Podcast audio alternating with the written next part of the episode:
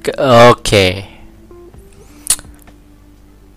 Ya, eh, bersama saya Akbar Maulana masih di eh podcast Akbar eh, kayaknya bakal jadi ganti ya judulnya jadi kayak jadi hmm, retorika saja. Masih jadi oke ulang ya. Jadi kayak Ya masih bersama saya Akbar Maulana di retorika saja untuk tanggal 8 November 2016 eh, Gimana kabarnya semua? Udah lama saya nggak bikin rekaman podcast. Sudah lama tidak membuat rekaman Apakah kalian menantikan siaran yang gak jelas ini? Entahlah, semoga ya ada yang menantikan. Gimana dengan skripsinya? Sudah beres? Sudah mulai penelitian? Yang sedang PPL? Bagaimana rasanya pertama kali mengajar? Deg-degan?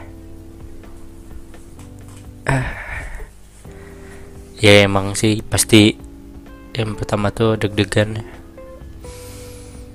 dan ya saya juga sekarang lagi PPL dan eh, akan ujian ujian PPL eh, ya mudah-mudahan bisa lancar ya. Dan kan saya tuh sekolah apa kuliahnya di pendidikan jadi ya setidaknya ya mesti tahu lah apa-apa masalah di pendidikan gitu. Kan mahasiswa pendidikan. Oke eh, topik kali ini. Aduh langsung aja ke topik ya. Eh saya akan membahas mengenai Oh iya sebelumnya sebelum masuk ke topik jadi ini akan diposting di YouTube YouTube slash podcast Akbar di situ ya. Search aja di kolomnya meng, eh, podcast Akbar. Tapi itu nama eh, ininya sih kayaknya nama nama nama akunnya. Tapi konten ini bakal dinamain dengan nama retorika saja kenapa namanya retorika saja. Jadi ini kayak kayak me, meng, meng- apa sih? Kayak me, mengolok-olok gitu. Kayak mem- mengolok-olok diri diri saya sendiri gitu. Kayak kayak bahwa kita tuh cuman beretorika saja gitu. Nggak ada nggak ada aksi gitu. Ini tuh cuman retorika gitu. Jadi makanya jadi kayak retorika saja gitu nah itu ya terus kayak ya ini tuh kayak jadi mengolok-olok lah mengolok-olok saya yang cuman bisa beretorika. Ya, seperti itu dan ini akan ditayangkan mm, tiap hari Selasa Insya Allah. Ya dan eh dan tiap Selasa dan ya kalau misalnya mau ada yang ditanyain atau pengen ngebahas apa boleh di email ke podcast akbar at gmail.com ya mudah-mudahan ada yang email. Yang dengerin aja syukur. Kayak kayak ada yang dengerin aja. Tapi namanya juga usaha ya. Tapi nggak akan ada promosi sih. Promosinya di tempat-tempat yang ini aja. Tapi kalau ada yang merasa bermanfaat dengan ini ya boleh dah didengerin. Eh, kan sebelumnya saya udah ngupload eh, dua kalau nggak satu. Satu satu uji coba sama satu episode pertama rekaman podcast dan eh ya seperti itulah.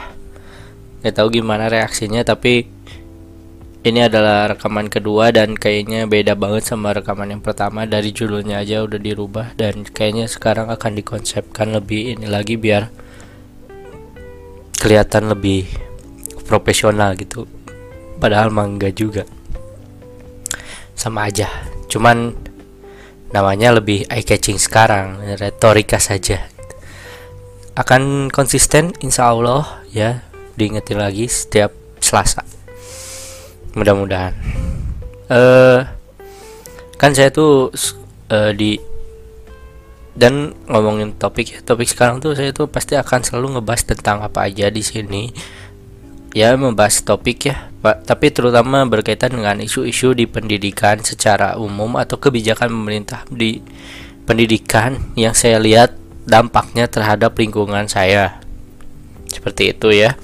Tapi ini akan selalu spesifik yang orang juga rasain uh, yang dirasain oleh semua hampir semua guru atau semua pelaku pendidikan gitu. Kayak misalnya uh, perdebatan mengenai sekolah negeri atau sekolah swasta. Nah itu topik itu topik langsung topik ya. Nah itu tuh uh, kelemahan saya tuh susah bridging. Nah ini bagus nih bridgingnya. Bridging tuh jadi kayak lo mau masuk ke topik tapi kan harus ada pengantarnya. Nah ini pengantarnya. Gitu keren. Uh, jadi uh, sekolah negeri versus sekolah swasta. Kayak kita sebagai uh, pendidikan gitu ya yang mengetahui mending sekolah swasta atau negeri gitu. Kayak Cuma per perdebatannya ini sih kayak sekolah negeri tuh sama semuanya sama rata. Dan uh, lebih murah mungkin. Uh, dan terjamin mungkin karena uh, lebih ada pemerintah. Tapi kayak misalnya kayak ada juga kan yang kayak swasta swasta yang lebih keren lebih tinggi nilainya derajatnya dari sekolah negeri ada yang lebih rendah dari sekolah negeri gitu. Kayak misalnya nggak tahu sih kayak kayaknya kayaknya ada gitu ya sekolah swasta yang direndahkan gitu kayak dianggap jelek. Ngapain sih sekolah di situ? Di situ tuh banyak nggak benarnya masih sekolah sebentar ini ini ini, ini banyak cowok ya kalau menurut saya sih nggak nggak usah gitulah ya nggak usah nggak usah nggak usah juga sekolah swasta. Karena sekolah swasta yang kayak gitu juga bagus sih. Kalau misalnya orang-orang yang kayak gitu tuh bisa diberdayakan oleh sekolah swasta yang kayak gitu menjadi lebih baik gitu. Seharusnya sekolah negeri juga seperti itu. Jadi misalnya kayak sekolah negeri menerima siswa yang secara ini secara karakter sulit dikendalikan gitu dalam tanda kutip menjadi lebih bisa beretika maksudnya lebih bisa ber ber ber, ber apa? Bersikap santun gitu. Kan itu lebih keren ya daripada kayak ngelihat sekolah yang udah udah keren udah siswanya udah maksudnya udah nggak ada bermasalah secara karakter terus tinggal mengajar itu tuh kayak nggak ada tantangannya gitu kan nggak bisa. Tapi kalau menurut saya ya ya harusnya kita tuh mendukung lah. Harusnya kita tuh me mengatakan salut sih sama sekolah-sekolah swasta yang masih menerima sekolah eh menerima siswa dengan berbagai latar belakang permasalahan kehidupannya. Kan itu lebih bagus ya daripada kita melihat orang-orang yang hanya berdasarkan melihat sekolah eh, menerima sekolah menerima siswa sekolah menerima siswa dengan berbagai uh, pilihan gitu dengan berbagai syarat kayak harus berkelakuan baik harus ini ini ini gitu. Kan kalau misalnya kayak gitu kan jadi nggak ada tantangannya juga gitu.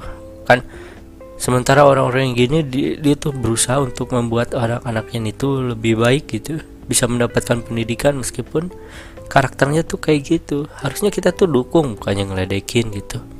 Harusnya salut sih kayaknya lebih keren aja kalau misalnya kesuksesan dari sekolah yang kayak gitu dibanding dengan sekolah yang udah sukses yang udah punya modal untuk sukses gitu. Tapi kalau mau dibandingin ya kalau mau nyari aman kan mending sekolah negeri. Tapi kalau misalnya nyari nggak bisa ke negeri pasti pilihannya ke negeri dulu dong. Karena kan pemerintah ya biasanya lebih ini lebih mudah lebih ada jaminan untuk tetap berlangsung gitu. Pembelajarannya nggak bisa berhenti kan. Kalau swasta tuh kan sistemnya ya kayak ya kayak yayasan gitu kayak perusahaan aja sebenarnya dalam tanda kutip ya. Jadi kayak lembaga pendidikan yang memberikan jasa pendidikan gitu secara formal gitu. Jadi nggak ada kewajiban untuk misalnya untuk mencerdaskan juga tapi setidaknya profit lah meren utamanya. Mungkin kemarin ya mungkin gitu. Tapi nggak tahu juga sih. Tapi kalau misalnya saya disuruh memilih mending sekolah negeri atau sekolah swasta ya kalau punya duit ya mending sekolah swasta ya. Karena sekolah swasta katanya kan beda. Sistem pendidikannya beda. Internasional gitu. Tapi kalau misalnya sekolah negeri kan nggak gitu ya. Kayak ya ikut-ikut pemerintah aja. Kebijakannya pemerintah ngikut kebijakan pemerintah. Ya kebijakan pemerintah yang ngikut kebijakan pemerintah. Gitu kan. Tapi kan kalau ya kalau punya duit tapi kalau enggak ya sekolah negeri aja yang yang bagus gitu. Tapi kalau misalnya anak saya bandel tapi amit-amit ya ya mudah-mudahan ya kayaknya akan berusaha diajar belajar dengan dibantu oleh saya sendiri dengan turun tangan langsung gitu. Kalau misalnya ternyata anak saya nanti bermasalah gitu. Gitu sih kalau menurut saya. Kalau kalian gimana? Nggak tahu ya. Ya itu kan. Soalnya kan uh, soalnya kan emang susah sih. Karena kan uh, kayak di zaman sekarang tuh ya remaja tuh kayak kayak nggak nggak nggak bisa nggak bisa memahami orang tuanya. Jadi kayak ya berbeda gitu zaman zaman zaman. Langsung ke topik baru aja ini. Ya gitulah. Nanti kan? Sudah gimana? Sekolah negerinya bagus gimana? Tapi misalnya kayak uh, saya tuh saya tuh merasa ya kalau misalnya masalah kita tuh adalah jarak antara perbedaan budaya yang jauh sekali antara orang tua dan remaja sekarang gitu. Jadi kayak susah mensinkronkannya dan itu tuh berakibat kepada komplikan antar generasi gitu. Suka suka ada gitu perdebatan antar generasi yang anaknya selalu merasa benar karena udah mudah sekali mendapat informasi bahwa di luar sana tuh informasinya tidak baik gitu. Gak tentang kampanye sesuai dengan tempatnya tempat kampanye tempat daerah pilkadanya. Ya gitu. Terus kayak hmm, dan saya tuh suka sedih saya, saya tuh suka aneh sih kayak kenapa yang pilkada di di tempat lain di Jakarta ya secara ini tapi yang heboh tuh di daerah-daerah yang sebenarnya nggak ada hubungannya juga kayak oh ini oh, ini ini benar ini benar ini salah ini salah padahal kan nggak ada hubungannya nggak usah bikin rusuh lah ya udah biarin aja. Mereka konflik ya udah temenin aja. Ya udah gitu kan. Kenapa harus mencampuri orang lain gitu kayak kenapa harus kayak gitu ya? Sedih sih. Dan ya harusnya jangan kayak ya maksudnya janganlah ya harusnya kan nggak nggak nggak ngerecokin tapi nggak tahu sih mungkin karena senang aja belajar meren dari hal-hal yang kayak gitu ya. Cuman saya risih aja sih. Kayak merusak pertemanan bener gak sih? Nggak tahu. Dan uh, kemarin tuh kan kayak ah balik lagi ke masalah pendidikan ya. Uh, dan kemarin tuh ya. Uh, saya tuh pulang pulang dari sekolah terus kayak ngobrol-ngobrol gitu kan sama guru dan bilang bahwa nggak bisa tuh bahwa uh, yang paling penting sih karakter guru sih. Dan saya tuh me, me, saya tuh kan ngobrol sama dia dan saya tuh mengeluarkan premis begini kayak seharusnya ya eh, pengelolaan kelas tuh sebenarnya digalakkan sih tiap eh pengelolaan kelas gitu digerakkan tiap sekolah gitu jadi kayak misalnya setiap setiap awal tahun tuh ada kan ada guru yang melengkap sebagai wali kelas. Nah, mereka tuh dikumpulkan, dijelaskan apa-apa tugasnya e, mengelolaan kelas. Kayak misalnya menyiapkan peralatan, menjaga barang-barang yang ada di kelas, merapikan yang berbagai-bagai tugas itu dikoordinasikan agar semua kesepakatan prinsip itu terlaksana benar-benar terlaksana. Jadi nanti akan terjadi pengelolaan kelas yang solid dan itu akan memudahkan pengelolaan sekolah. Kalau menurut saya kan gitu. Dan setelah dipikir-pikir ternyata susah karena katanya susah sih kalau misalnya karakter gurunya nggak bisa dijadikan satu visi gitu. Kayak ada yang meng, meng, meng, ada tipe wali kelas yang membiarkan uh, yang tidak berkomitmen misalnya dengan kelasnya terus ada juga wali kelas yang berkomitmen dan ya dengan dengan gitu misalnya dengan berkomitmen itu maka dia be, jadi sebenarnya karakter guru dalam pengelolaan kelas itu penting kalau menurut saya untuk keberlangsungan pembelajaran apa memaksimalkan uh, manajemen sekolah itu sendiri. Terutama bagi saya. Saya itu kan uh, bertugas di bagian aset. Aset tuh bagian bagian uh, apa? Bagian penerima ini. Bagian bagian pengelola aset. Jadi menjaga barang-barang dari di sekolah kayak misalnya bangku ya pokoknya barang-barang aset negara yang ada di sekolah saya tuh harus mencatat me, me, mendandai me, mengelola uh, ya pokoknya gitu pemeliharaan dan sebagainya itu saya. Dan kalau misalnya kan di di pengelolaan aset ini sebagai informasi bagi, bagi yang penasaran.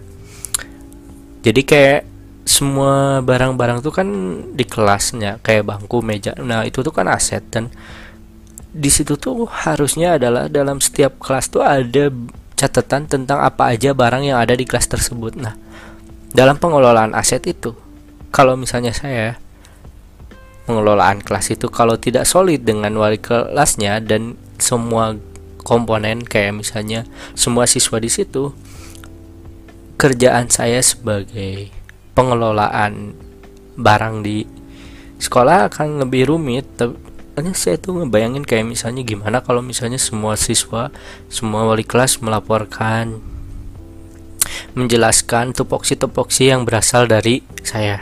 Aset jadi saya tuh kayak ngejelasin bahwa pokoknya ya jagain aja barang-barang uh, yang ada di kelas. Jadi kayak kalau ada barang rusak laporkan. Kalau ada barang hilang laporkan atau ada berbagai masalah laporkan dan hitung jumlah dan jangan sampai jumlah bangku dan meja tidak terus berubah-ubah gitu harus tetap di satu ruang kelas. Nah kan kan kalau kayak gitu saya tinggal enak kan saya tidak perlu keliling-keliling hitung lagi tiap tahun tinggal minta data aja dari tiap kelas dari tiap pengelolaan kelas ya bagian peralatan kalau ada di kan ada ya pasti di organigram kelas. Nah tinggal ke sana saya bilang. Dan itu akan lebih mudah berdasarkan manajemen sekolah berkaitan dengan pengasetan itu tuh saya. Cuman katanya karakter gurunya kan tidak mungkin sama semuanya. Dan kayaknya nggak mungkin juga sih kalau misalnya saya ngomong ke semua orang di depan forum yang besar. Kan saya adalah apa gitu kan bukan orang yang punya. Ya maksudnya nggak berani lah mengeluarkan gagasan kayak gitu. Ya gimana? Gimana? Saya masih muda gini jadi kayak nggak enak. Jadi ya udahlah nggak apa-apa. Itu menurut saya dan emang bener sih karakter guru. Dan berkaitan dengan karakter guru ini ada juga upaya dari pemerintah yaitu guru pembelajar jadi maksudnya adalah guru yang memiliki nilai UKG terendah di bawah 70 itu akan sekolah oleh mentor-mentor yang memiliki UKG lebih tinggi. UKG itu adalah ujian uji kompetensi guru. Jadi itu adalah ujian yang dilakukan guru untuk menentukan guru ini bagus nggak sebagai guru sebagai guru mengajar gitu. Nah, karena itu eh makanya kan eh, guru-guru sekarang pada sibuk pada ada kegiatan di luar gitu kayak ada guru pembelajar ini. Nah, berkaitan dengan ini uh, ini adalah upaya. Cuman kan sebenarnya ini tuh cuman membebani guru secara materi doang kalau menurut saya dilihatnya. Tapi nggak tahu juga sih. Saya tuh cuman berharap dampak dari guru pembelajar ini adalah bisa meningkatkan karakter guru yang lebih bertanggung jawab dalam pengelolaan kelasnya gitu. Dalam pengelolaan pembelajarannya gitu. Karena kalau cuman tidak akan ada perubahan mengenai karakter dan terutama tentang karakternya guru itu. Karena kalau misalnya te tetap saja gurunya males-malesan tidak akan berhasil juga. Tapi setidaknya kalau menurut saya efektifnya ini adalah kalau misalnya guru itu punya efek jerak. Jadi kayak jadi kalau misalnya si guru ini uh, mengikuti kegiatan ini dia akan menyesal kenapa UKG-nya lebih rendah gitu. Kayak kan males jadi kayak ah gak mau saya harus belajar lebih giat belajar belajar biar tidak UKG-nya rendah gitu. Dan kasihan sih ternyata ada jadi ada dua guru pembelajar tuh ada mode daring ada mode tatap muka dan sibuk lah guru-guru tuh dan akhirnya tidak fokus. Tapi mudah-mudahan ada dampaknya ya dari guru pembelajar ini ke program guru pembelajar ini bisa meningkatkan uh, pem, karakter guru yang kuat gitu. Ya gitu ya gitu mungkin ya. Sekaitan dengan kegiatan sekolah dan terus ini juga uh, berkaitan dengan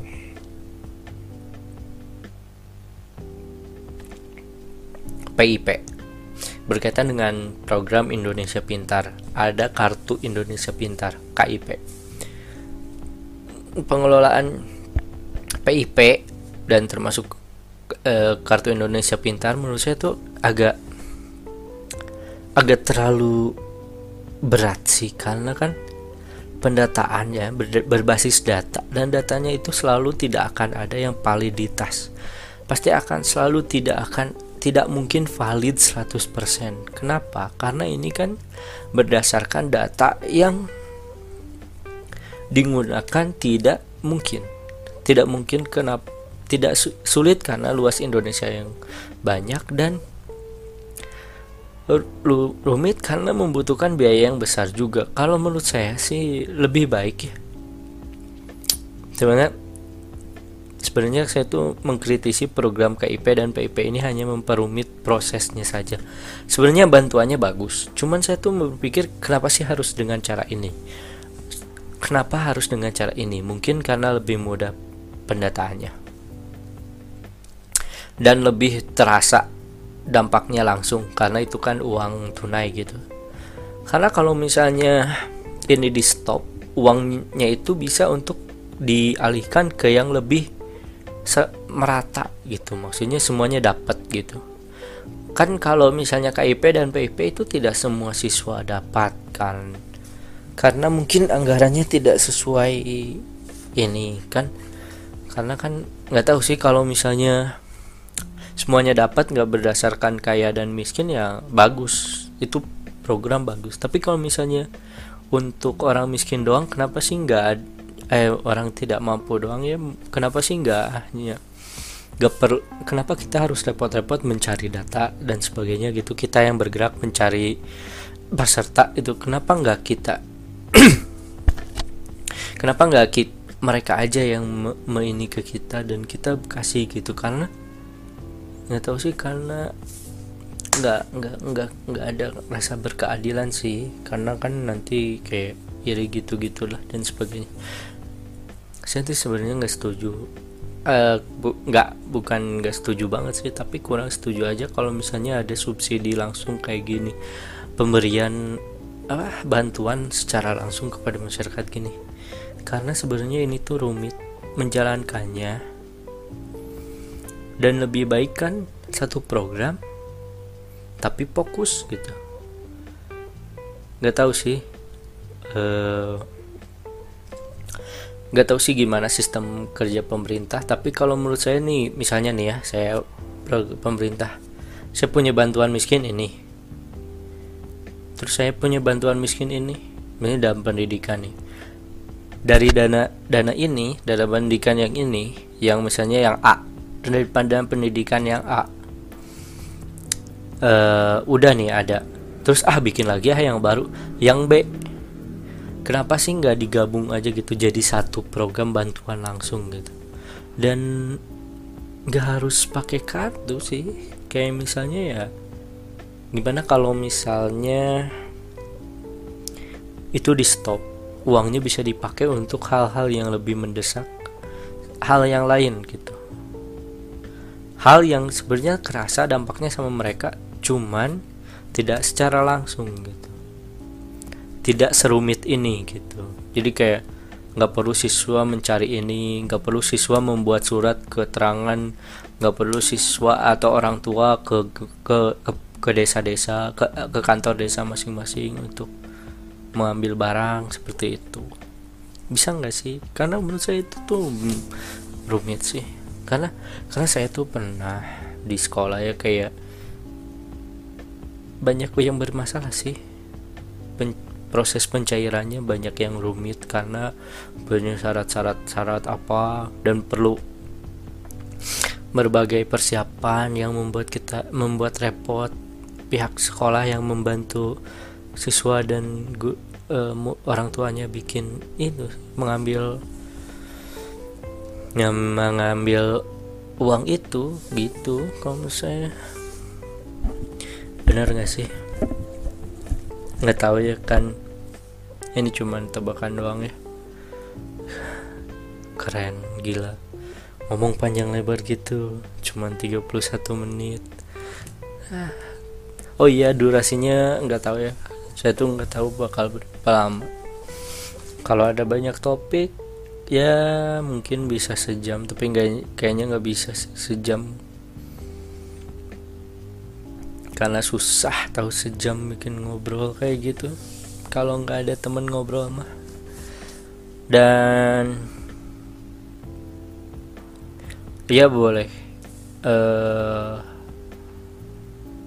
jadi ya semoga kalian mengerti ya dan sekian. Ya seperti itulah. Ya udahlah. Nama saya Akwar dan mas selamat uh, sampai ketemu lagi di retorika saja. Hanya retorika. Retorika saja. Dah